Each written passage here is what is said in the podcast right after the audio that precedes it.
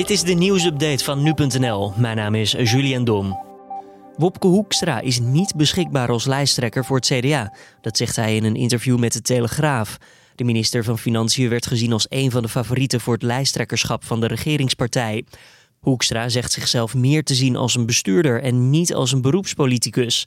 En daarmee is hij tot de conclusie gekomen om zich niet beschikbaar te stellen voor de functie. Begin juli verwacht de partij een nieuwe lijsttrekker te kiezen. Bijna de helft van alle Nederlanders boven de 18 jaar stond in januari geregistreerd in het donorregister. Dat blijkt uit cijfers van het Centraal Bureau voor de Statistiek. In vergelijking met vorig jaar is het aantal geregistreerden met een half miljoen gestegen. En daarvan gaf het merendeel aan geen toestemming te verlenen voor orgaandonatie. 130.000 personen deden dat wel. Op 1 juli gaat de nieuwe donorwet in, waardoor iedere Nederlander boven de 18 jaar automatisch wordt geregistreerd in het donorregister met geen bezwaar tegen orgaandonatie.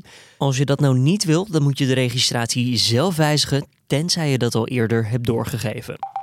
India meldt dat in totaal 20 soldaten om het leven zijn gekomen bij een gevecht met Chinese militairen bij de landsgrens in het Himalaya-gebied. Er zouden ook Chinese slachtoffers gevallen zijn, maar de Chinese overheid heeft daar niets over bevestigd.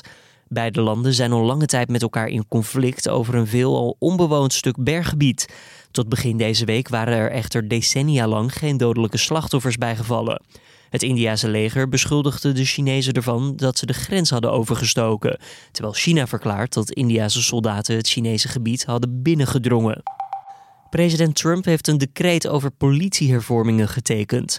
Het besluit bevat echter geen verregaande maatregelen omtrent het tegengaan van systematisch racisme.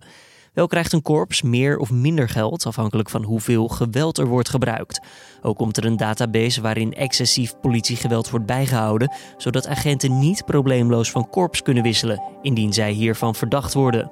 En dit was dan weer de nieuwsupdate.